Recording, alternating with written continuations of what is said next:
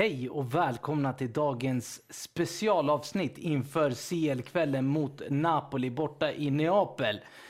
I studion så har ni mig, Kastriot, som vanligt och våra nervösa Viktor idag. Jajamän. Läget? Ja, det är bra. Ehm, Trots nervositet så känns det ändå bättre än vad det var med Valverde i alla fall. Ja, vad, vad är det som känns bättre? Nej, men nu, eh, alltså nu är det åtminstone spännande att se våra matcher. Ja. Det kan ju gå åt helvete ikväll, men det vet man inte. Med Valverde då var det så här, även om vi vann, så någonstans satt man och kollade med matcherna, alltså kollade på matcherna och tänkte, det har gått åt helvete fast vi vann i alla fall. Men det var mer ångest. eh, Ja, precis. Men då var det, alltså, det var inte kul att se oss ens när vi vann. Nu, eh, framförallt om man tittar på senaste ligamatchen vi hade, att då var det, det var ju riktigt kul att kolla på oss då. Så att, eh, man vet inte riktigt vad man får och det är mycket mer spännande. Precis. Eh, men, men vi har liksom höga, nu vet man att vi kan nå riktigt höga toppar igen för att vi vill eh, dominera matcherna. Exakt. Och vi kommer gå in på det alldeles strax igen. Innan vi börjar så vill jag att ni där hemma via länken här ovanför går in och registrerar ett konto på William Hill. För där har vi tagit fram ett kanonerbjudande just för er Barca-fans där ute och alla andra som kollar på detta avsnitt. Där ni får åtta gånger pengarna på just Barcelona mot Napoli ikväll borta. Ett kanonerbjudande som, eh, kanonerbjudande som sagt. Gå in här ovanför, utnyttja den. Det är åtta gånger pengarna. Se till att vinna, kamma hem lite pengar nu. Jag tycker vi börjar direkt med matchen. Eh, vad kan vi förvänta oss av dagens match eh, i sin helhet om man kollar innan vi börjar bena av det lite? Eh, vi har Napoli på hemmaplan, San Paolo, inte en lätt arena att åka till. Juventus fick eh, pisk där för inte så länge sedan. Eh, Barca med ett lite dåligt bortafacit. Vad kan vi förvänta oss? Det känns ju som en av de svåraste matcherna att förutse vad som kommer hända, eh, som jag spelat på länge. Dels på grund båda lagen har ju bytt tränare mitt under säsong. Eh, så att vi är väl någonstans båda två i lite ombyggnadsfas, även fast jag skulle, nu är jag väl partisk, men det känns som att våran ombyggnadsfas är större på grund av att vi liksom var så långt ifrån vad vi borde vara.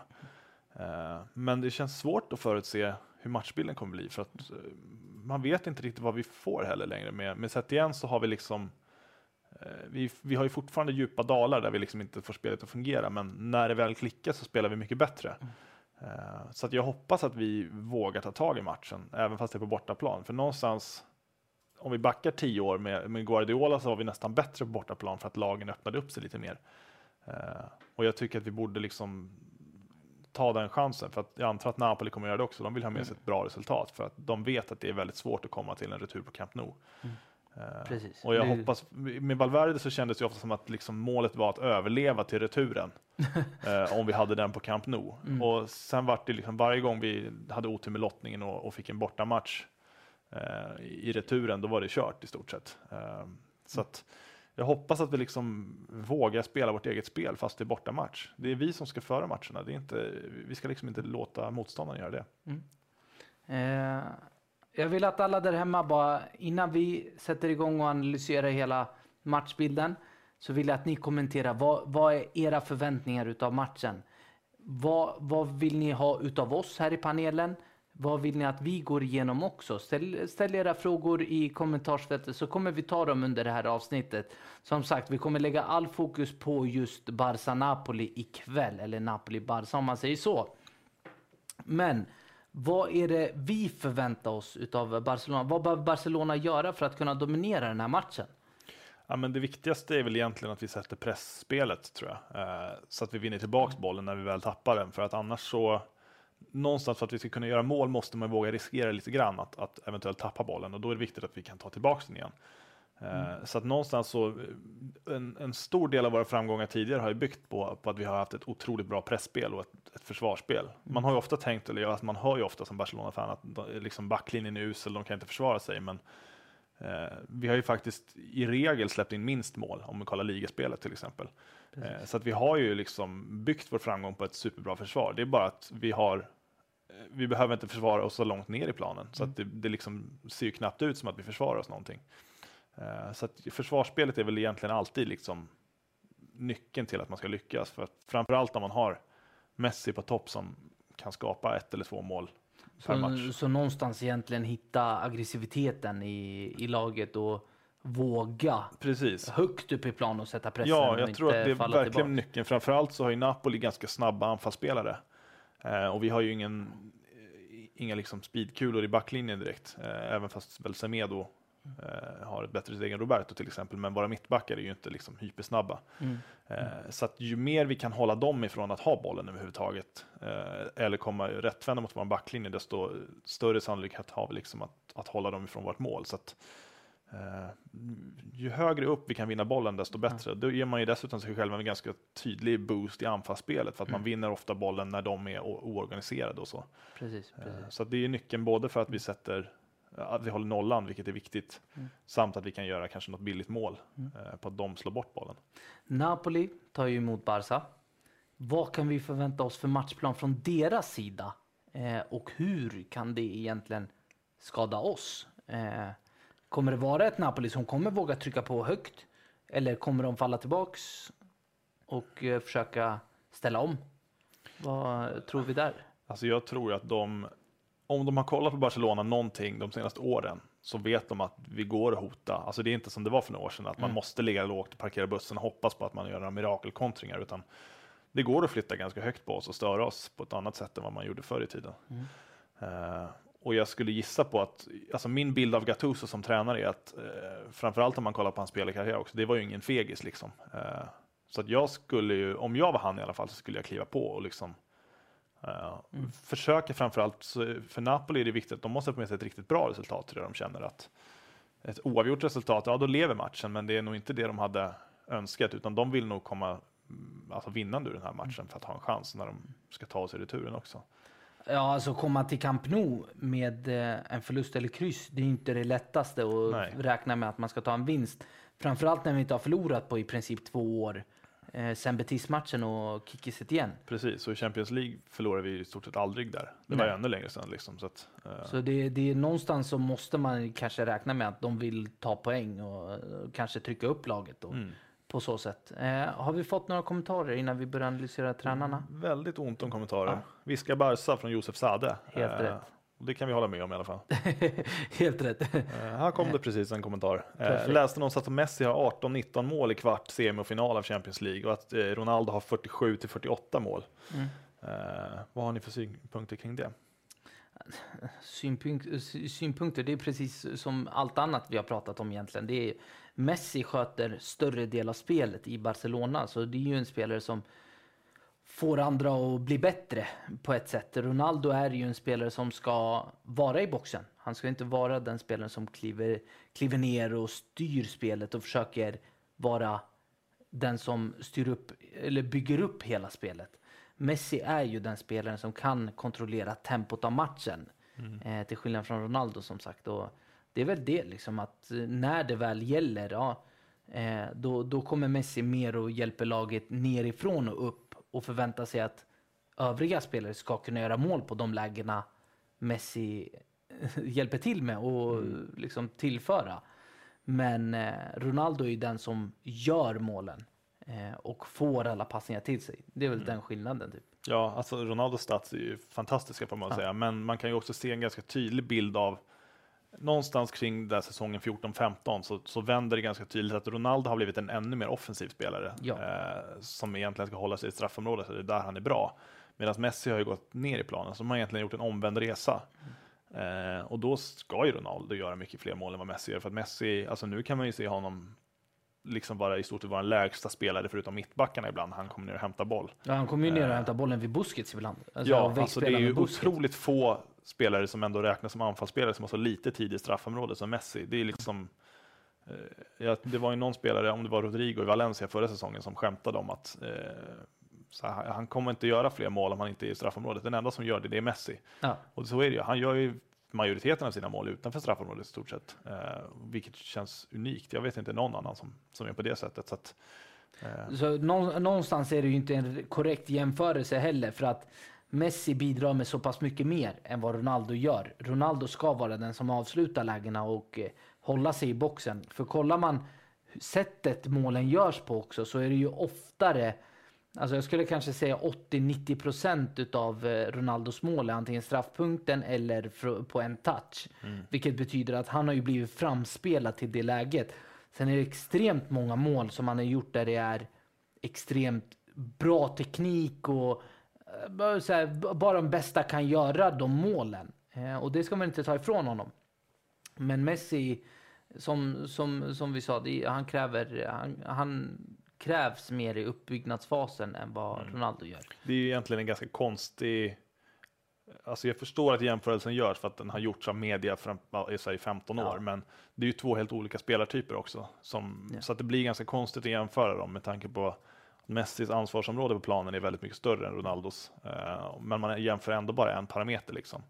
Jämför man eh, alltså passningar in i offensivt straffområde och assist och skapade målchanser och sånt så är ju Messi, då är det ju ännu... Alltså, Dribblingar Ja, precis. Då är han ju otroligt överlägsen. Ja. Eh, Så det är en lite konstig jämförelse, men Men det är väl för att det inte går att jämföra dem på något annat sätt heller. Då Nej. blir det ju det här. ja, då blir det ingen jämförelse sättet. alls i stort Nej. sett. Det här är väl de, någonstans den parameter där de är närmast varandra i Ja. alla fall. Eh, nästa. Eh, här har vi en intressant taktisk analys. Mm. Eh, Eftersom Messi inte jobbar hem så kommer Di Lorenzo kunna utnyttja högerkanten och då kommer man hamna i en tuff situation där Semedo antingen väljer att stänga ut honom så att han inte gör inlägg.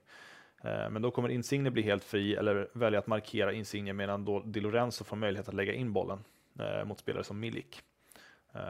Ja, det blir intressant att se om det kommer bli så. Eh, Exakt. Vi har vi oftast, vi vet ju heller inte hur vi kommer ställa upp i mittfältet. Jag kan tänka mig att det inte är alltså osannolikt att till exempel Vidal startar en sån här match för att stänga till lite mera eh, bakom Messi till exempel. Mm. Eh, Ja, men eh, typ som eh, senaste matchen när han spelade vänsterytter mm. eh, mot Eibar där. Och det, det kan mycket väl bli på det sättet. Ja. Eh, Jag tror ju åtminstone inte att sett igen kan ju inte bli överraskad av att det kan bli luckor där Messi spelar för att han inte tar hem jobbet i alla lägen. Mm. Mm. Eh, och framförallt så vi har ju liksom redan balanserat det med Griezmann tar ju väldigt mycket mer hemjobb än vad de flesta anfallarna gör. Så att, Men jag tror Setien har ju arbetat väldigt mycket på just att okej Messi, du behöver inte jobba så pass mycket utan man fixar laget och förbereder laget på att ja, men ni får jobba lite extra för just Messis räkning. mm. Och det ska man ju någonstans göra om du har Messi i laget för att du vill ju ha Messi i den bästa formen du bara kan ha. Eh, man vill inte ha honom trött. Så jag tror, jag tror inte det kommer vara några konstigheter. Sen är ju frågan, kommer Milik starta eller inte? Det är mycket möjligt att eh, Mertens startar. Han har ju visat eh, prov på bra form nu senast och det, det är egentligen någonting man ska ha i åtanke att han kanske startar med en lite snabbare anfallare. Mm. Eh, Callejon, M- Mertens och Insigne uppe på topp för att kunna hota djupled och Precis. omställningar. Så att det går fort. Mm. Eh, formen på lagen, innan vi fortsätter med frågorna så tänkte jag att vi fortsätter lite med lagen i sin helhet. Barca som nyligen har blivit serieledare efter helgens matcher. Vinst mot Eibar med 5-0, verkligen prov på styrka någonstans och eh, det såg väldigt bra ut spelmässigt. Napoli, senast om jag minns helt fel så förlorade de på hemmaplan mot Lecce med 3-2. Inte det starkaste laget att förlora mot, men ändå en förlust. Mm. Och så tar man med sig det in i matchen. Kan det vara fördel Barca på den fronten formmässigt? Det beror på hur kortsiktigt man kollar. Eh, För jag vet ju att eh, Napoli har ändå gjort några bra matcher så sent som i januari tror jag. Mot liksom, de slog väl både Lazio och Juventus eh, ganska Mm. nyligen. Så att de har ändå haft en, en, skulle jag vilja påstå, en eh, uppåtgående formkurva Mm. sen Gattuso tog över. Eh, Våran har ju varit lite mer upp och ner, men någonstans, vi tar ju småkliv hela tiden. Men jag satt ju förra sändningen och hoppades på att liksom bitarna skulle falla på plats. Och det tyckte jag att de gjorde ganska bra mot Eibar. Eh, annars hade vi inte vunnit med 5-0. Mm. Det var liksom en klassisk Barca-insats eh, under stora delar av matchen i alla fall. Eh, så att jag hoppas att vi kan liksom fortsätta på den banan och de får gärna fortsätta på sin förlustbana om de har, Mm. har det som senaste match. Eh, Jo, men precis. Men samtidigt så kollar man placeringsläget så är inte Napoli det, ja, de ligger inte i toppen nej, de ligger i eller dagsläget. något sånt där tror jag. Ja, men precis. Och det, det är ju risk för att de missar Champions League. Det är ju väldigt mycket, mycket fokus på ligan för deras del också. Mm. Så frågan är hur mycket fokus blir det på Champions League från deras sida? Eller mentalt sett. Hur mycket kan de egentligen bara köra stenhårt på Champions League-matchen för att glömma seriematcherna? Alltså så här, Mm. Alltså jag såg ju inte deras senaste ligamatch, men hade jag fått Barca på besök eh, på min hemmaplan så hade jag ju antagligen vilat lite spelare i ligamatchen innan. Mm.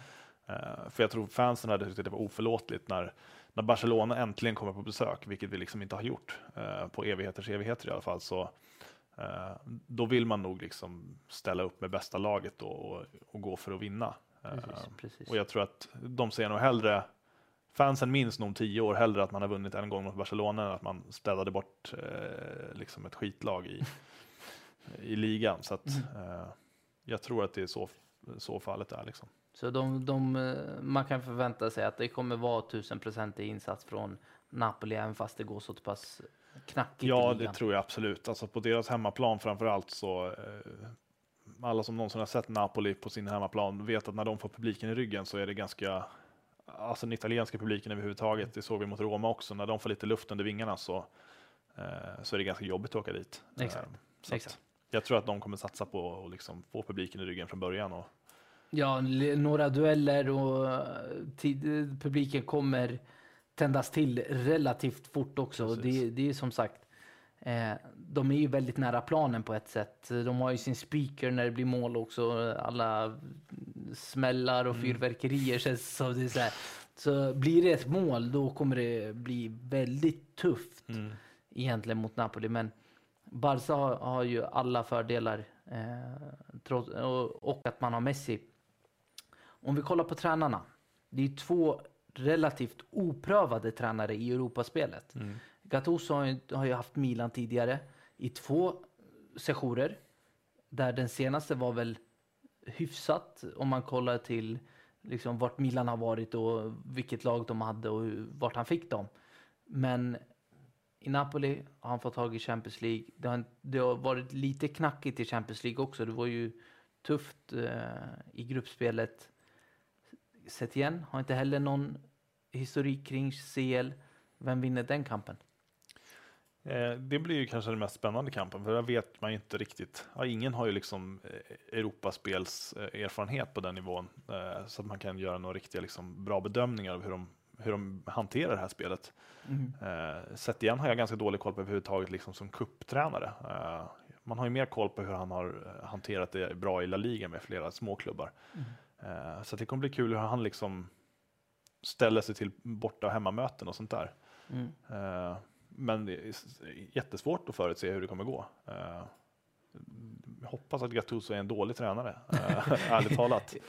Alltså Gattuso, utav det jag har sett så, så som jag sa förra, förra avsnittet, det är ju, det, Barca är väl ett lag som faller han i smaken sett till spelmässigt. Mm. Han är väldigt duktig på att försvarsmässigt och med den här kämpaglöden och ledar, ledarstilen som han har att lyfta lagen och göra, snäpp, göra dem snäppet bättre och snäppet vassare i försvarsspelet. Vilket leder till att ja, men det kommer många omställningar. Det blir ju väldigt mycket, mycket fram och tillbaks, vilket Gattuso-lagen, eller lagen som Gattuso tränat tidigare, väldigt enkelt lever på. Mm. Eh, och det, det, är väl det som kommer vara den tuffa biten är att om han får igång Napoli deras försvarsspel sitter på ett bra sätt, då kan det bli väldigt, väldigt tufft för Barca mentalt. För att det är där väl Nap eller Gattuso har mm. sin styrka. Det är att mentalt bara liksom, nu går vi in i beast mode i Precis. princip. Det är det jag tror också att Alltså känslan i alla fall att Gattuso är mer liksom en karismatisk tränare som taggar igång spelarna på ett annat sätt. Medan Setien känns ju eh, mer som en liksom, taktisk nörd som mm. liksom kan gå ner sig i detaljer. Exakt. Uh, men jag minns ju nu att vi mötte faktiskt Gattuso med Milan i uh, någon av de här försäsongsturneringarna. Ah. Det var en eller två somrar sedan. Uh, när Ricky Pudge var superbra. Uh, men då tror jag ändå vi förlorade med 1-0 om jag minns rätt. De gjorde några mål så sista, ja, sista minuten. Uh, men jag minns några uttalanden av honom efter matchen. Att han har ju någon form av soft spot liksom för, för Barcelonas klassiska modell med att vi liksom fostrar unga, mm. tekniska, talangfulla spelare. Så att, eh, jag tror ju att Napoli spelar ett spel som är... Och han lovordade Pudge extremt mycket ja, precis. Med hans silkesfötter eller vad det ja. var han sa. Liksom. Så, eh, jag tror att Napoli ändå är ett lag som vill spela eh, alltså en, en, någon form av fin fotboll också, Självklart. vilket borde passa oss bra för att vi ska ju var lite bättre än Napoli om man kollar på pappret. Mm. Trots alla våra skador. Har vi fler frågor, kommentarer? Eh, ja, vi har... Eh, här har vi en fråga. Gattuso talade om att de kommer försöka stänga Messi på vissa ytor, något som väldigt få lyckas med. Hur tror ni deras taktik kommer se ut i förhållande till detta uttalande om att stänga Messi? Alltså, uttalandet var inte rent utav att stänga Messi. Eh, det är mer att egentligen de kommer göra sitt bästa för att försöka stänga Messi och styra han mot ytor där de har personer och försvarare i antal. Men det handlar om att stoppa resterande delar av lagen. Att bollen inte får komma till Messi. Det är lite mer det han kommer lägga fokus på.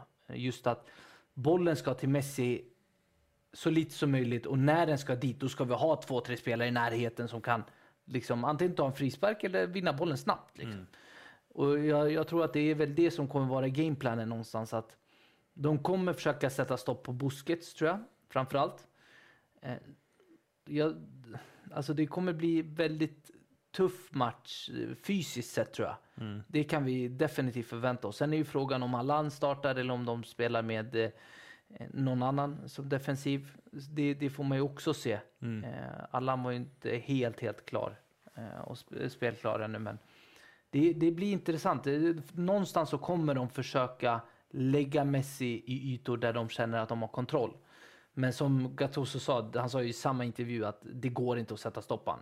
Ett litet misstag, en minsta lilla oskärpa så kommer Messi hitta luckan eh, på en bra dag. Så det gäller väl att man får honom ur spel så mycket som möjligt, ur fokus och ur balans. Det är väl då man kan ha en chans att sätta stopp på Messi. Mm. Alltså jag tror egentligen Messi sätter väl oftast nästan stopp för sig själv beroende på vilket humör han är på. Ja, Eh, annars tror jag att de flesta lagen i liksom tio års tid nu har gjort i stort sett samma, de flesta har haft samma idé hur man ska stoppa Messi. Det viktigaste är att han inte får bollen så mycket, för då kommer han komma ner och hämta bollen i ytor där han är mindre farlig. Mm. Sen är jag rätt säker på att, som du säger, att det kommer bli en fysiskt väldigt tuff match. Jag tror Napoli kommer vilja sätta liksom press på domaren ganska fort, att de ska eh, få gå in hårt och stoppa Messi eh, och alla våra spelare egentligen. Eh, så att jag tror liksom att eh, vi kommer inte se något revolutionerande, utan det är mera få Messi att hämta bollen i, i, där han är så långt ifrån målet som möjligt. exakt. Eh, Där man har så många lagdelar i position så att det blir så lätt som möjligt. För problemet som har varit, det är ju så att man har Griezmann och skulle man spela med Arturo Vidal, då blir det ju också en till liksom, uppspelspunkt som inte är 100% Barca och kanske inte lirar 100% med Messi. Arturo Vidal, vid en bra dag så går det väldigt bra även i den fasen. Men Griezmann har vi märkt att hans första touch har varit bedrövlig. Han måste alltid ta två, tre touch i princip. Och när han tar en touch då är det vid fel tillfälle. Så det är, ju- det är ju mycket det också som spelar roll. Om han kommer ner och hämtar då måste det finnas folk framåt som kan hjälpa honom. Mm. Jag minns att Lagerbäck när han mötte Messi där i VM 2010 eller vad det var, han hade ju också en, en metod som jag tror att många tränare har tittat på. Eh, det är att ingen alltså, går på Messi ensam. Det är ingen idé, alltså försök inte ta bollen om han kommer en mot en mot dig, utan gör vad som helst för att få honom att stanna upp lite grann. Eh, och vänta på att du får understöd. Så att när man är minst två, då kan man försöka ta bollen, för att det går nästan inte att ta bollen när han är själv. Eh, nu har han blivit lite långsammare sen, sen dess, men det är fortfarande samma princip skulle jag säga. Att så duktig som han är en mot en och så stark han är i kroppen så eh, bara man kan få honom att sakta in lite grann så att man hinner liksom samla laget, då har man gjort sitt jobb eh, med bravur någonstans. Exakt. Behöver, man behöver inte ta bollen. Nej, Eh, så länge man kommer i position och de kan försvara rätt vänd framåt och det inte kommer några löpningar framför allt. precis. Men eh, jag tror att där är det extremt viktigt att man har spelare som hela tiden tar löpningar i djupled för att göra det jobbigt helt enkelt. Ja. För- för vår del så är det väl, eh, som vi har väntat i ganska många år på nu i Champions League, känns som det är viktigt att vi får igång fler spelare än Messi. Mm. Att det har liksom blivit ett alldeles för stort ansvar på honom, både på eh, att skapa chanser, styra tempot och avsluta anfallen. Mm. Eh, och nu har vi tyvärr liksom skadeproblem, men vi behöver ju några som liksom tar lite mer ansvar än vad vi är vana vid. För vi saknar ju liksom Xavi och Iniesta ganska mycket på det sättet kan man Mm. säga. Spelare som kan luckra upp laget. Alltså om de skulle markera bort Messi så kommer det bli ytor någon annanstans. Men vi har liksom inte använt de ytorna. Nej, För vi går fortfarande och söker Messi även om han är markerad av två man. exakt. Eh, och jag hoppas att Sett igen någonstans vågar ge lite mer ansvar till andra spelare. Och att de andra spelarna vågar ta mer ansvar också. För jag är väldigt trött på de här två meters passningarna till Messi när man i stort sett, man är i samma yta som Messi är i. Varför ska man passa honom om han är markerad och felvänd? Liksom? Hitta någon annan och, och le- leta efter en lösning själv. Förbättringar har ju setts. Eh, Man har ju sett förbättringarna som Setien har gjort. Det börjar ju bli mer ansvar åt de offensiva mittfältarna, inne mittfältarna att liksom verkligen ta djupledslöpningar och visa. Liksom, de Jong gjorde ju mål mot Betis och Arthur nu senast. Så det börjar ju bli allt mer. De offensiva mittfältarna kommer tillbaks till liksom Xavi, Iniesta och löpningarna de tog. Så det, det blir intressant att se utvecklingen på just den, den lagdelen om man säger så. Eh, har vi någonting mer? Vi har en intressant följdfråga här på vårt Ronaldo-Messi-resonemang. Eh, följdfrågan är då, eh, varför har Messi fler ligamål än Ronaldo om han är så långt ner i planen som ni nämnde? Och varför har Ron- Ronaldo samtidigt mer än dubbelt så många mål mot de stora lagen i Champions League? Alltså, om man säger så här. Messi är en anfallare, spelfördelare, han är passningsspelare, han är dri- dribbler, han är... Alltså så här, allt i ett. Det är därför man säger när Messi spelar, det är som att spela på Fifa. För att det, det är en spelare som verkligen kan göra allt. Om du skapar en gubbe och gör han 99 på allting, det är typ Messi. Och eh, det, det är någonstans det Ronaldo inte är. Sen självklart liksom kommer Ronaldo göra mål när han ändå liksom hela tiden har lägen. Men Messi har ju någonstans, framförallt de här två senaste åren under Valverde, liksom två och ett halvt.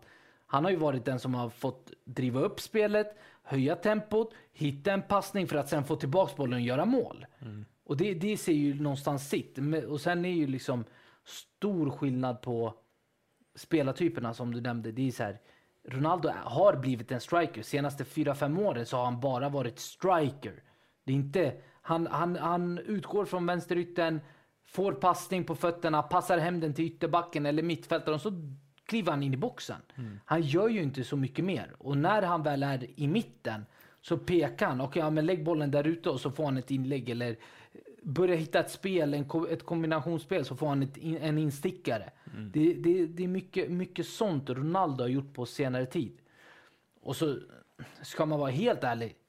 Topplagen, jag kan inte riktigt hålla med. Självklart, slutspel Champions League. Men samtidigt så måste man även kolla vilka lag, till exempel Real, har fått möta i Champions League-slutspelen. Oftast. Oftast har det inte varit de bästa lagen förutom i semi och final. Eh, så, och då, då är han någonstans uppe i form och i varv och känner sig hemma helt enkelt. Ja. Så det, som sagt, det går inte att jämföra de två spelarna i sin helhet. Men självklart kan man ju kolla. Messi är ju en ytter fortfarande. Han är i anfallspositionen. Så självklart så ska han bidra med mål. Men Messi gör så mycket mer utöver det och därför säger man att han är en bättre fotbollsspelare. Målgörare, det kan man diskutera. Båda är extremt duktiga målgörare. Men fotbollsspelare, då är Messi klasser bättre. Jag tror också att den, den enklaste förklaringen, det var det vi var inne på precis innan, att ju svårare motstånd vi möter, desto eh, liksom längre ner i planen får Messi sitt ansvarsområde. Eh, när vi möter ganska dåliga lag i ligan så då behöver Messi liksom inte gå ner och styra från mittfältet, för då klarar mittfältet det. Eh, utan då kan han ju fokusera på att ligga lite högre upp i planen och komma in med det straffområdet där det faktiskt går att göra mål. Mm. Eh, Men alltså om vi kollar på liksom, alltså framförallt de senaste ja, fyra, fem säsongerna i Champions League så har ju han haft ett otroligt stort ansvar att vi överhuvudtaget ska skapa några målchanser. Mm. Eh, Och alltså backar man ända till Enriques första säsong så det är väldigt få mål i Champions League skulle jag vilja påstå som Messi inte är inblandad i på något sätt. Exakt. Eh, Det känns som att han har en fot med i det mesta och tyvärr har det varit han som har gjort nästan alla mål eh, under Valverde i alla fall. Ja. Och det har ju liksom varit helt ohållbart för oss. Jo men exakt, Suarez gjorde ju knappt några mål på bortaplan. Nej, Eh, och har inte gjort det sen Neymar lämnade i princip. Och det är mycket som har saknats. Även fast Messi har bidragit med assisten så är det ju den sista biten som har saknats utav våra strikers. Ja. Så hade man haft eh, lite mer tur på den fronten så hade det varit skillnad. Nästa. Eh, vilket lag tycker ni är favoriter till Champions League i år? Och kamma hem hela. Yes. Alltså den är, den är så svår för att någonstans så känns det som att alla lagen...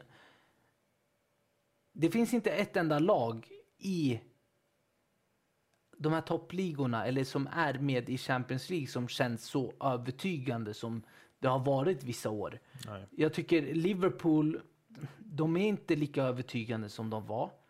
Det, det känns mer som att de någonstans lever på den här minimala flaxen som vi gjorde under Valverde. Att det är liksom, de här extra millimetrarna går deras väg helt enkelt. Och det kommer inte funka riktigt i CL. Eh, kolla Bayern München.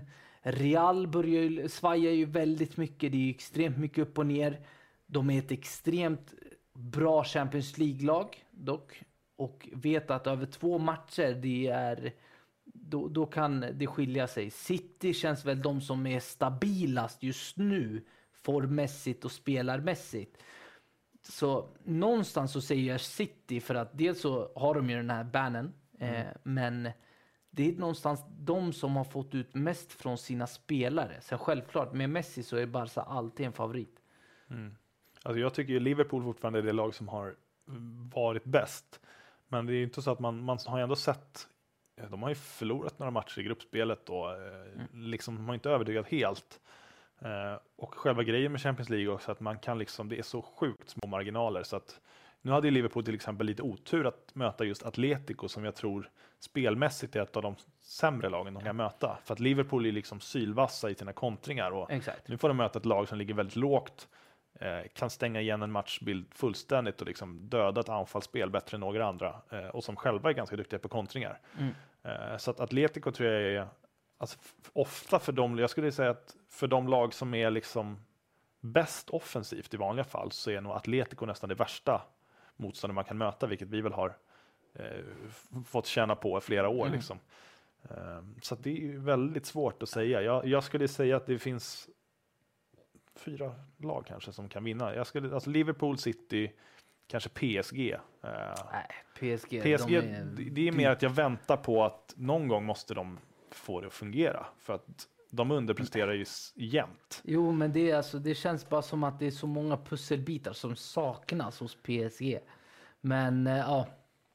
Det, Jag tror att de hade egentligen sin stora chans förra säsongen eh, när de som genom ett mirakel åkte ut mot United där. Ja, det var Eh, ju, För jag tror att de hade varit ett ganska stort problem mot oss, eller för oss snarare. det Eh, tror jag snarare också. än vad United blev som ju de skulle ju inte ha gått vidare från den där matchserien liksom. Eh, Nej, de hade väl tre lägen och det sista straffen när han hade gått 30 meter ovanför. Men Precis. Men sen har vi Real och, och vi också är liksom lag som skulle kunna vinna om vi har marginalerna med oss. Men i vårat fall så känns det som när vi har vunnit Champions League tidigare, då har, jag liksom, då har man haft känslan av att vi är absolut det bästa laget.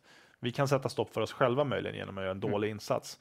Nu känns det som att om vi ska vinna, då är vi beroende av att vi har marginalerna med oss. Ja, så har det precis. inte riktigt varit tidigare. Och det är där jag känner någonstans att alla lagen i, dag, i årets Champions League-upplaga befinner sig. Det är inget lag som är wow, de här de kommer köra över allihopa. Utan det är verkligen marginalerna som kommer avgöra på en, en ny nivå än vad det har varit tidigare. Så någonstans, och det, det, det är lite det jag för- försöker komma fram till. Det finns inte ett enda lag i dagens, i årets upplaga som är wow, de här är för bra. Nej, precis. Sen de här marginalerna, någonstans så upplever jag i alla fall som att de brukar jämna ut sig över tid. Om vi ser till Juventus som har typ sju raka Champions League-finalförluster. Mm. Någon gång borde ju de ha lite marginalerna med sig också. Eh, och nu tycker jag att de flera år har haft ganska mycket marginalerna mot sig när de åkte ut mot Real till exempel efter att ha hållit på att göra sin vändning där. Eh, så att. Eh, ja, Juve- det finns flera lag som, det finns ganska många lag som skulle kunna vinna. Ja, jag, tror, jag tror i stort sett alla lagen som har någon form av chans i och med att det kommer vara på marginaler. Så oavsett, även de här mindre lagen. Jag tror Valencia ligger illa till, men Ja, Valencia, de är... de som redan men typ har haft ett Atalanta, möte. Ja. De är, de, det, det ser ju väldigt fint ut för dem. Liksom. Men ja, det får man ju se när de möter ett tuffare motstånd också. Det, absolut. Nästa.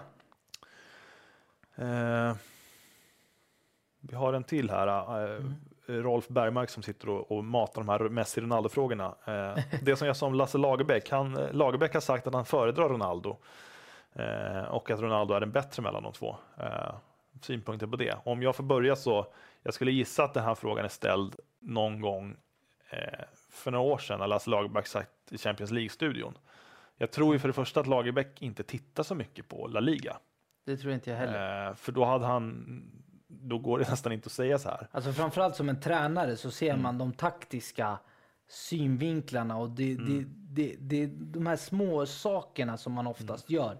Som en alldaglig människa som inte är fokuserad i en match inte gör. Mm. Men de, om man har tittat på Lagerbäck, både när han tränade oss och i både Island och Norge egentligen, så då förstår jag att han, hade jag varit Lagerbäck och spelat det spelet han gör, då hade jag också valt Ronaldo. Det är klart. Eh, för att Messi liksom, vad ska han spela i ett lag som knappt vill ha bollen? Och som, Mm.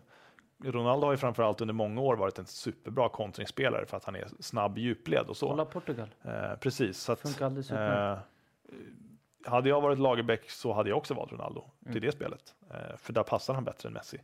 Och det, sen är ju frågan lite eh, ving, felvinklad kanske också. För att det blir ju någonstans ett tycke. Eh, han kanske tänker, ja men jag hade hellre haft Ronaldo i mitt lag än Messi. Precis som du säger.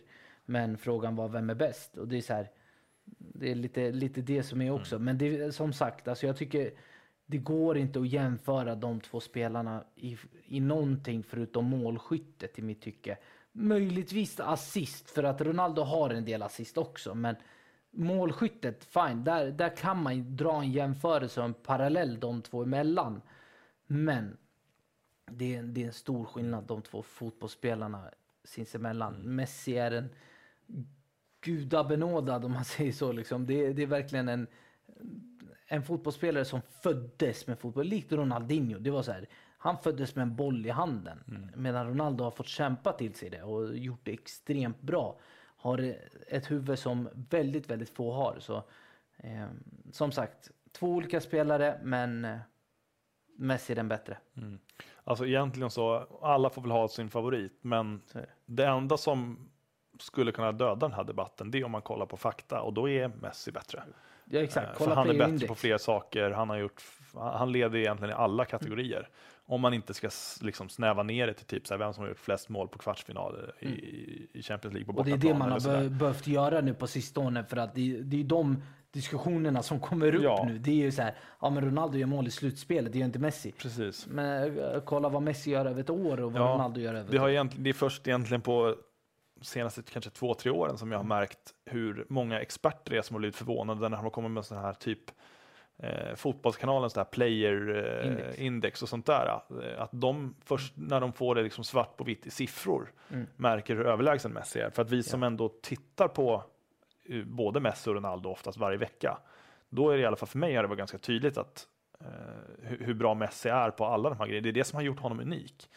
Att man vet att han liksom är bäst på i stort sett alla delar. Eh, Medan Ronaldo är liksom väldigt tydligt väldigt bra på alltså få saker. Medan Messi är bäst på i stort sett allt. Exakt. Eh, och det är lite fascinerande att även experterna har haft så dålig koll på det här måste jag säga. Jo men det är verkligen att, att även fast player index har kommit ut så dödar den ju inte debatten. Det är någonstans jag förstår inte hur inte man kan se, alltså så här, du får siffror svart på vitt. Hur pass över... Messi har ju typ legat etta på den player indexen sen den kom ut tror jag, som bästa spelaren. Ja, överlägset också. Ja men exakt, han har ju typ legat på 92-93 och nästa spelare har legat på 70. Och det, det är sån stor skillnad mellan ettan och tvåan. Statistiskt sett. Det är inte påhittade siffror, det är inte en färgad analys utan det är verkligen all statistik som sker under en match offensivt sett. För man kan inte mäta defensiva tacklingar ännu i Nej. den player indexen. Och nu är Messi inte i sin prime heller skulle jag vilja Exakt. påstå. Han var ännu bättre innan sådana här tjänster Ja. fanns. Så liksom det är den där borde döda debatten helt och hållet. Och har man inte sett det då kan man gå in och kolla för det är väldigt tydligt. Sterling var ju bättre än Ronaldo Ja. eh, ett bra tag. Har vi någon mer fråga innan vi fortsätter med våran? Eh, Nej, det är många som liksom är inne och eh, bara skriver av sig lite grann. Eh, Som vill lägga sig i debatten här som vi var inne på nu till Ja. exempel. Filip eh, Lundin Weinstock tycker angående debatten kring Messi versus Ronaldo. Eh, glömmer alla att, en, att fotboll är en lagsport som bygger på att eh, en individ kan inte vinna varken Champions League eller andra stora priser om laget man spelar i fallerar. Så är det. Eh, sätt Messi eller Ronaldo i Stoke och de kommer inte vinna vare sig Premier League eller Champions League för det. Och det är klart, så är det. Mm. Eh, och där är väl frågan liksom hur, om man är tränare så hade man fått välja. Eh, antingen får du in en målskytt som någonstans kräver att laget fungerar ganska bra, eller så får du in Messi som i mitt tycke är den som gör att ett ganska ofunktionellt lag kan se väldigt bra ut. Exakt. För det är någonstans det vi har levt på alldeles för länge nu, att vi har varit spelmässigt dåliga, men vi har, vi har den här fuskkoden som gör att vi vinner matcher ändå. Eh, och nu har ju vi till och med i vår li, liksom, gruppchatt, vi har ju suttit och skämtat under Valverde, att så här, det här är en typisk här Valverde-match. Vi är utspelade, men vi kommer vinna med 1-0 för att Messi kommer göra ett mål ur ingenting. Ja. Och så har det varit ganska många gånger. Så det har liksom varit mot Atletico i, i ligan, bara den här säsongen var det så. Vi vinner liksom 1-0 från ingenstans. Eh, förra säsongen när det var när han drar en frispark i, mot Atletico, det var samma sak. Mm. Eh, så det finns liksom hur många exempel som helst på att vi har gjort dåliga matcher, men vi, vi fuskar oss till en seger för att vi har Messi i stort sett. Det är ungefär så det känns. Så är det. Och det, har man Messi så är man... Alltså, om alla tränare säger liksom, har man Messi i laget, då är man automatiskt en stor favorit. Mm. Och då, då, då är det någonstans baserat liksom på den kunskapen och den tekniken Messi besitter, alltså den hjärnan han besitter.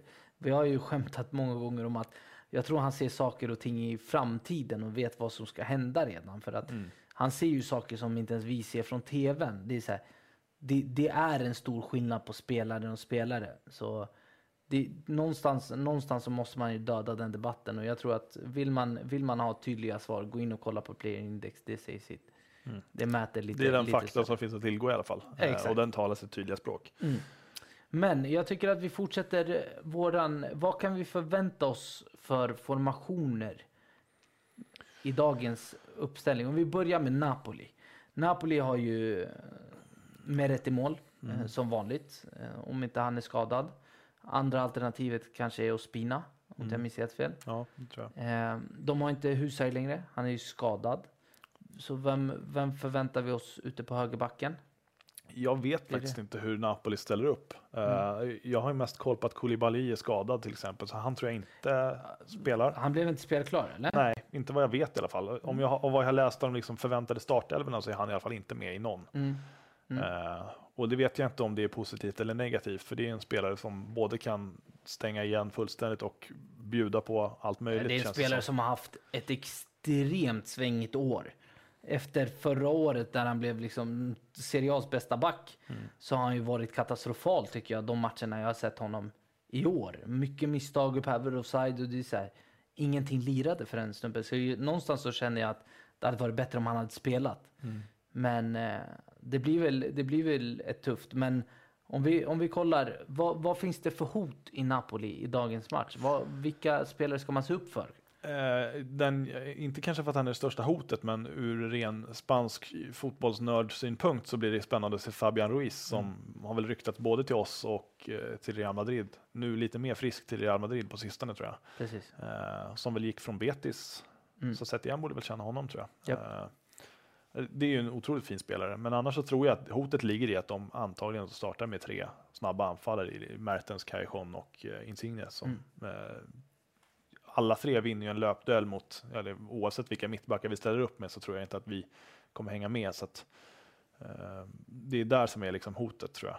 Eh, Mm. För rent liksom fotbollsmässigt så ska de inte kunna rulla ut oss tycker jag. Eh, det är snarare tvärtom det ska vara.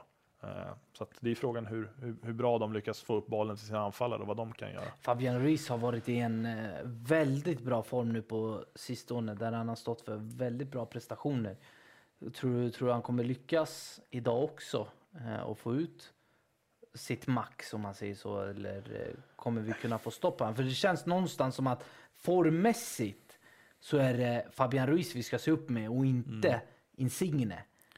Det- Mertens var ju också i hyfsat bra form, gjorde ett snyggt mål nu senast, eh, senaste matchen de spelade. Men eh, just Fabian Ruiz har ju stått bakom alltihopa och varit den spelfördelaren de värvade han Mm liksom har blivit den spelaren de ville ha. Helt enkelt. Nej, men jag tror att en viktig del blir att få stopp på honom, för det är en väldigt bollskicklig mittfältare som, som är duktig på att styra spelet. Eh, och jag tror ju, om han är lite sugen på att gå till Real Madrid, som det ändå ryktas om, så eh, lär han ju vara jäkligt sugen på att visa upp sig eh, idag liksom, mot oss. Eh, så att det tror jag är en viktig spelare för att framförallt, det är väl lite som i fallet Messi med oss kanske, om han är liksom deras spindel i nätet, så att se till att han inte får så mycket boll, då har vi stoppat en ganska stor del av, av det som kan hota oss. Precis, precis. Vad kan vi förvänta oss för startelva i Barcelona då? Den blir... Ja, vi har inte så mycket att jobba vi har med. 14 spelare, Det precis, vi har väldigt lite att jobba med. Och Eh, Breathwaite får inte spela, Nej. nyförvärvet, eh, som gjorde det bra mot Ibar när han hoppade in de sista 15. Mm. Mycket bolltouch hade han på den korta tiden och hela tiden spelbarhet. eh, Eller spelbar. Så det är verkligen en värvning som kan chocka, Mm. som kan hjälpa oss och som kan bidra framförallt. Precis, bara någon som springer mycket djupled tror jag kan vara en alltså, väldigt stor nytta för oss, för att Mm. vi saknar det lite grann fortfarande. Men han får inte delta i Champions League, Nej. tyvärr. Vad kan vi förvänta oss? Om vi börjar Terseggen i mål. Ja. Det är spikat. Eh, högerback Semedo, Ja, vi har Eller? ju inte, Roberto är borta, så Roberto att borta. vi har inte mycket annat att tillgå. Mm, sant. Piqué lär ju inte heller vilas. Eh, Den enda platsen egentligen som känns öppen i backlinjen, det är ju vänster innerback. Mm. Om det blir Umtiti eller Lenglet. Eh, Vilken föredrar du?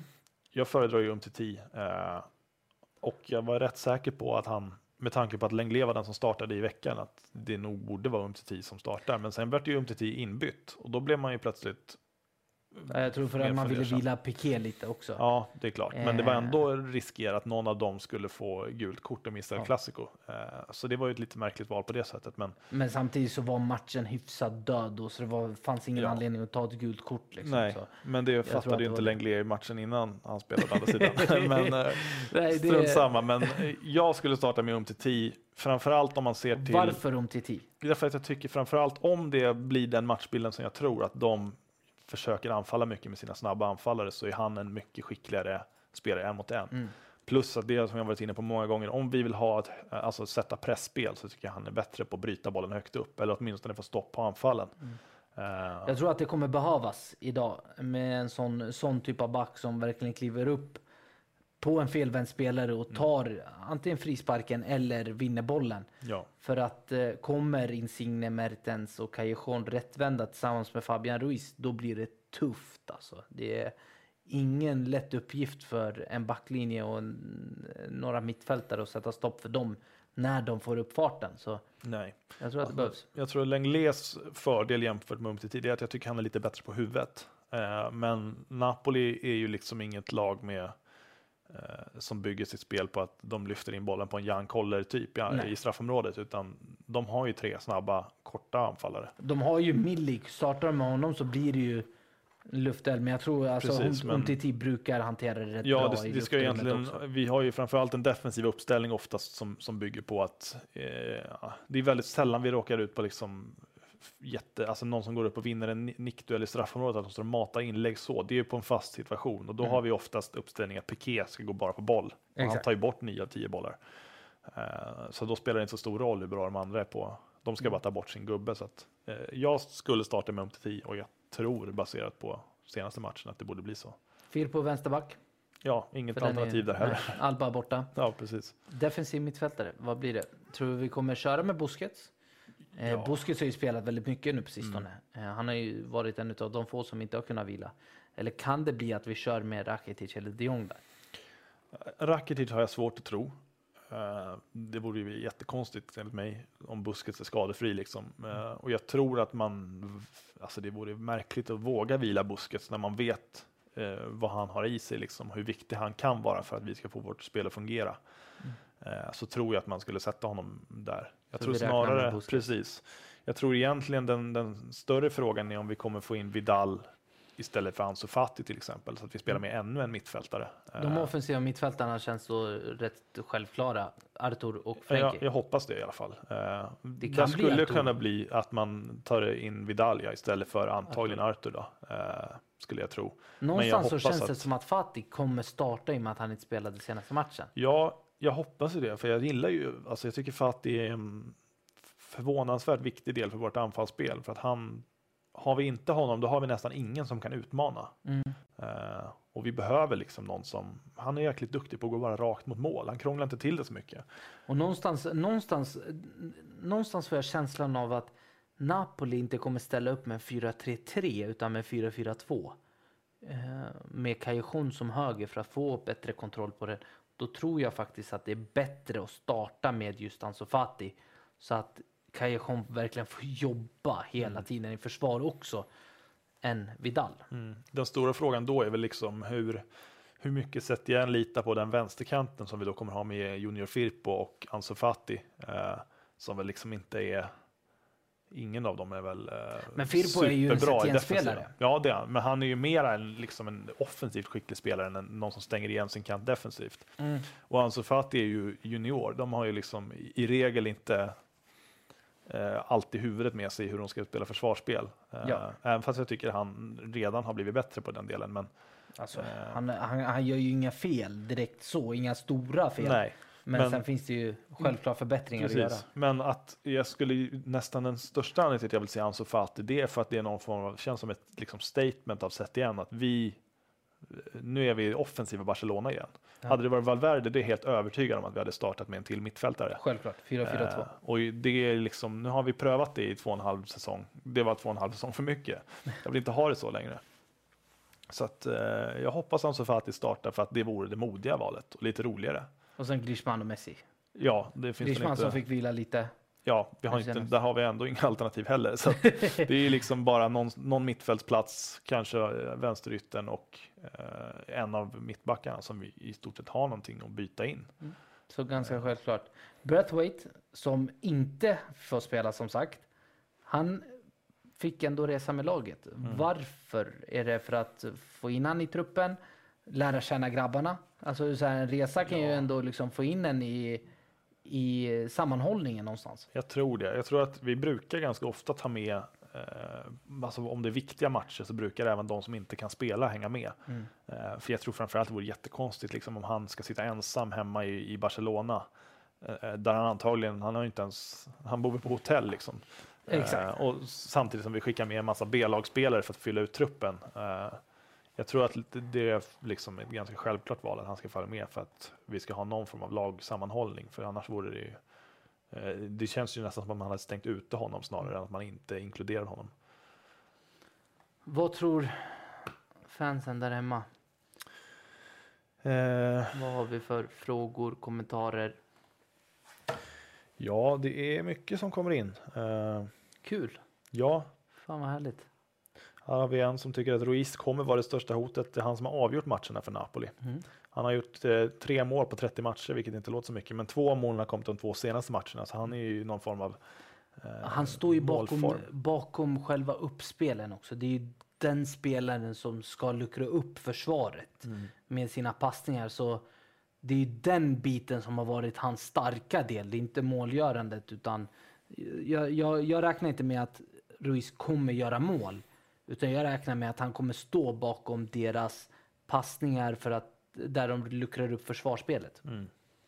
Sen är det väl lite kommentarer där det är många som tror att Vidal antagligen kommer spela eh, kanske samma roll som senast. Mm. Eh, att han går ut på vänstern egentligen. Då. Eh, och jag skulle gissa att det nog inte ligger så långt, för att Vidal är ju den liksom optimala spelartypen i en bortamatch i Champions League. Någon som går in och krigar liksom livet ur sig själv. Eh, kanske inte för att alltså spelmässigt eh, det bästa valet för oss, men eh, vill vi liksom få in någon som ändå visar lite karaktär och kan få igång laget om det ser tufft ut och som vinner tillbaks bollen så är Vidal liksom ovärderlig för vilket lag som helst. Mm. Så att på så vis, jag, blir ju, jag hoppas fortfarande på att vi startar med Ansu Fati på grund av att det eh, det modiga valet. Liksom. Det känns som att om vi backar tio år igen, och Guardiola hade ju valt Ansu Fati för att vi ska Ja. inte behöva anpassa oss så mycket efter motståndaren. Nej. Eh, Men nu kanske verkligheten inte ser ut så riktigt. Vi kanske måste anpassa oss lite efter motståndaren under rådande omständigheter och då tror jag att Vidal eh, kan ligga bra till. Man vill ju nästan tillbaka till den matchen där vi hade 11 La Masia-spelare Ja, i startelvan. precis. Någonstans, typ. Ja, men jag kan ju också tänka mig att det med tanke på hur tunn trupp vi har. Så att Vidal kommer spela noll minuter den här matchen. Det, Det finns inte en chans. Att han kommer spela någonstans. Och det är en bra spelare att slänga in mot slutet av matchen. Det är, inte, det, det är där jag tycker han är som bäst, när han får sista 30 och är extremt energisk och kommer in. Det lyfter laget på ett annat sätt än när han startar matcherna, i mitt tycke. Jag tycker att han, det är en spelare vi borde bara slänga in sista 30. Bara här, nu jävlar eh, tar vi in eh, lite ja, energi. men det är perfekt. Alltså, han är ju verkligen en optimal spelare. När energin börjar ta slut lite så kommer Ja. han in och är liksom övertänd i stort sett. Och Exakt. framförallt när motståndarna börjar bli lite, lite trötta och kanske inte orkar den här sista decimetern, då hinner han ju dit varje gång i stort sett och Mm. Exakt. vara riktigt jäkla jobbig. Mm. Plus att spelar han en halvtimme så hinner han kanske inte dra på sig fler än en varning. Exakt. När han är övertänd. Har Precis. vi någonting mer? Eh, per Mild här tycker att det bästa med att sätta Vidal på bänken det är att det är så skönt att sätta in honom. Det var ju precis det vi var inne på. Ja. Eh, så att, eh, ja, jag håller faktiskt med. Jag, jag, det är en till anledning till att jag vill se Ansu Fati. Det är för att då kommer jag få se Vidal hoppa in.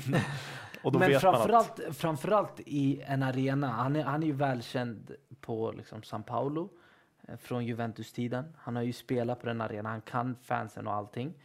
Och det, det är ju egentligen perfekt. Just, säg att resultatet är 0-0 och Napoli börjar äta sig in i matchen i andra halvlek. Och för våra, kollar man Barca under Setien så har ju andra halvleken varit sämst. Och då är det ju perfekt läge att bara slänga in en Vidal som bara kan trycka tillbaks motståndaren som börjar bli lite högmodiga och våga lite extra. Och bara sätta, någonstans sätta dem på plats. Det är det man vill ha utav Vidal. Det är den spelartypen jag ser Vidal vara. Det är det spelaren som ska komma in som en ledare i andra halvlek och bara visa energi och visa liksom att nu, nu jävla jobbar vi sista 30 minuterna. Sen kan vi gå hem och må bra, men vi släpper inte in ett jävla mål. Så någonstans, så precis som du och Per Mild säger, starta med Fatih. Spelmässigt så kommer det vara mycket bättre, framf- framförallt första 45. Ge det sen 10-15 minuter. Om vi tappar spelet som vi brukar göra, släng in Vidal och ändra matchbilden.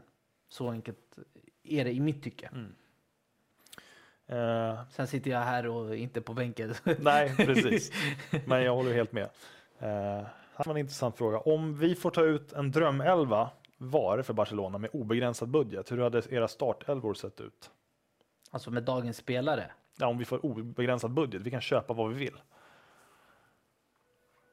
Alltså köpa vad vi vill. Ja. Den är, den är svår. Ter Stegen i mål, den är ju spikad. Ja. Alltså högerback så...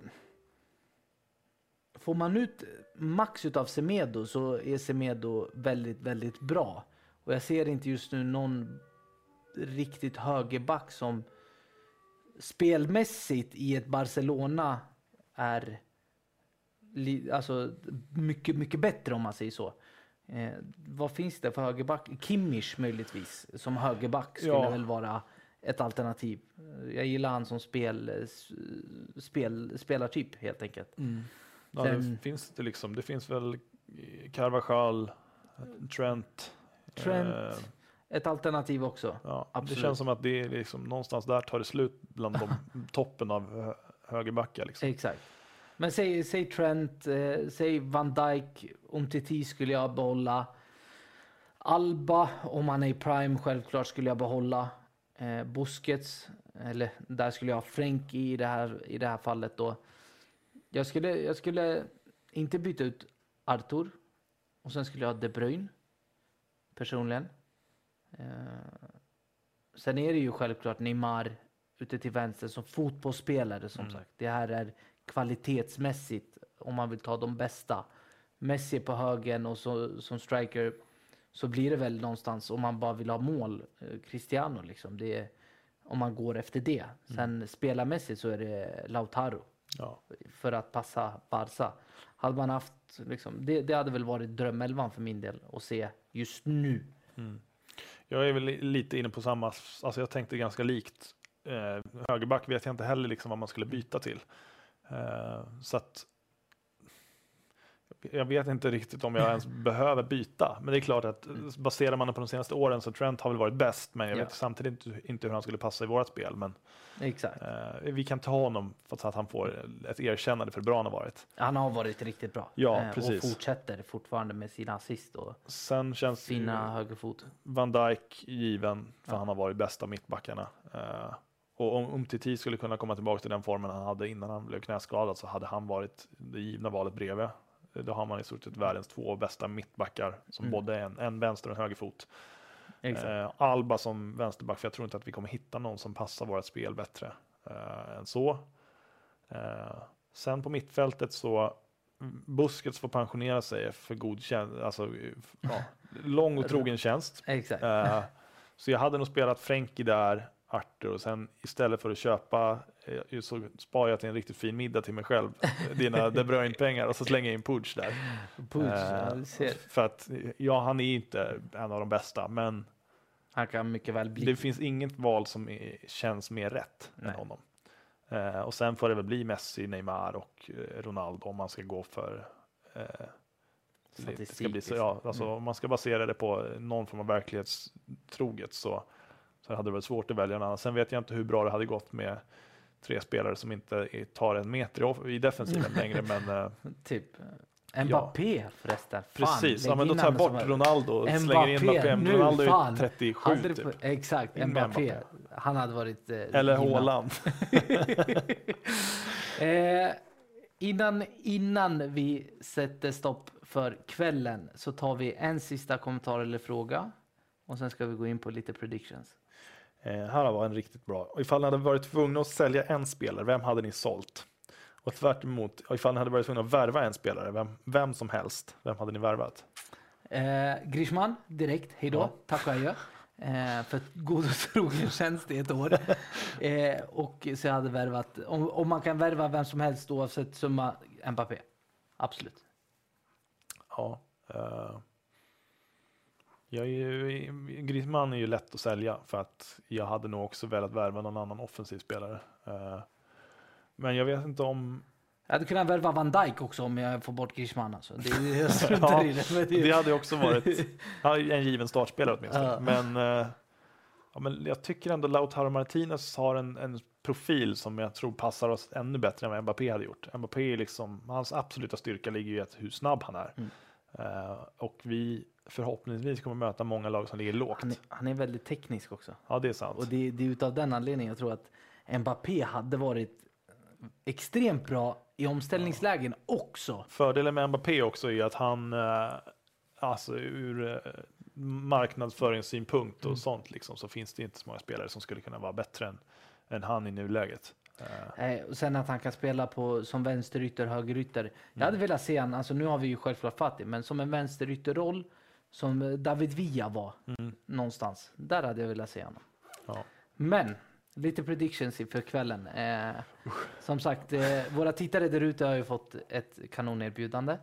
Eh, vad, vad tror du om matchen? Eh, Vad tror du det slutar? Och nu, nu tar vi inte resultat. nej, Nu är det vinst, kryss eller förlust för Barcelona. Vad tror du? jag har väldigt svårt att se att vi kommer vinna faktiskt. Eh, med tanke på hur vår bortaform är och att Napoli tror jag kommer vara, alltså de kommer nog, jag tror att det är få matcher i deras historia som de har varit lika taggade till. För om det är någonstans, någon gång, någon säsong man ska vinna mot Barcelona så är det nu. Eh, och det hade de nog kunnat leva på ganska gott. Mm. Eh, så att jag hoppas att vi kan få med oss åtminstone något, uh, något bortamål. Jag Och om vi inte nervös. förlorar så är jag nöjd. Jag tror vi vinner. Alltså jag, Det var jag, ovanligt. ja, superoptimismen kommer fram. Eh, nej men alltså jag, jag tror faktiskt Kike Setien vinner kampen tränarna sinsemellan. Och någonstans har analyserat Gattuso mycket mer än vad Gattuso har analyserat honom och hans spel. Gattuso kan ju analysera Barca, men jag vet inte om han, hur långt bak han kommer gå för att analysera Kike Setien som en tränare. Så jag, jag tror faktiskt det blir en vinst, även fast det kommer bli tufft. Men någonstans så, vi, vi har ju gjort så pass bra framsteg och att allting bara går, går framåt. Så någon gång måste den där negativa trenden för, ändras. Mm. Och jag tror att det kommer ske idag. Mm. Tror jag faktiskt. Jag tror ju, om Ansu Fati startar så har jag någon sån här konstig känsla av att han skulle kunna göra mål. Hattrick. Nej, kanske inte hattrick, men det känns som att även han har ju haft någon förmåga hittills att han gör liksom, han, han dyker upp och gör mål i, när han väl får chansen i de här svåra matcherna. Mm. Eh, och det behöver inte betyda att han är speciellt bra i matchen, för han kanske är usel, men jag skulle inte bli dugg förvånad om han dyker upp och gör mål, för han verkar ha den liksom mentaliteten som de här det är en av de mest spännande sakerna med honom känns det som. Att Mm. han, han har en mentalitet som gör att han liksom bara går in och kör och, och lite så här Zlatan-aktigt att han bara gör mål när man, Exakt. när man tycker att ja, men nu kommer han göra mål och så blir det så. Så den känslan har du. Ja, jag hoppas på det, men det är ju sällan min, min känsla är positiv och rätt samtidigt. Där hörde ni det. Eh, våra, våra tankar kring matchen, vad vi tror matchen kommer sluta. Inte resultatmässigt, utan vilket lag som kommer vinna. Väljer ni att rygga Viktors tips på ett kryss Eh, så gör ni det. Jag tror självklart på vårt lag och på en vinst. Jag tror på våran tränare Kicke igen. Vill ni inte rygga någon av oss, eh, gå in på sportpanelen där och följ Gabbes speltips så har ni lite andra speltips att följa där också. Finns nu även i podd. Så se till att lyssna. Gå in här ovan, regga er i länken, ta del av supererbjudanden som just ni där ute får. Åtta gånger pengarna på Barcelona vinst. Det är klockrent. Jag kommer utnyttja det. Gör det ni också. Tack för att ni var med oss idag.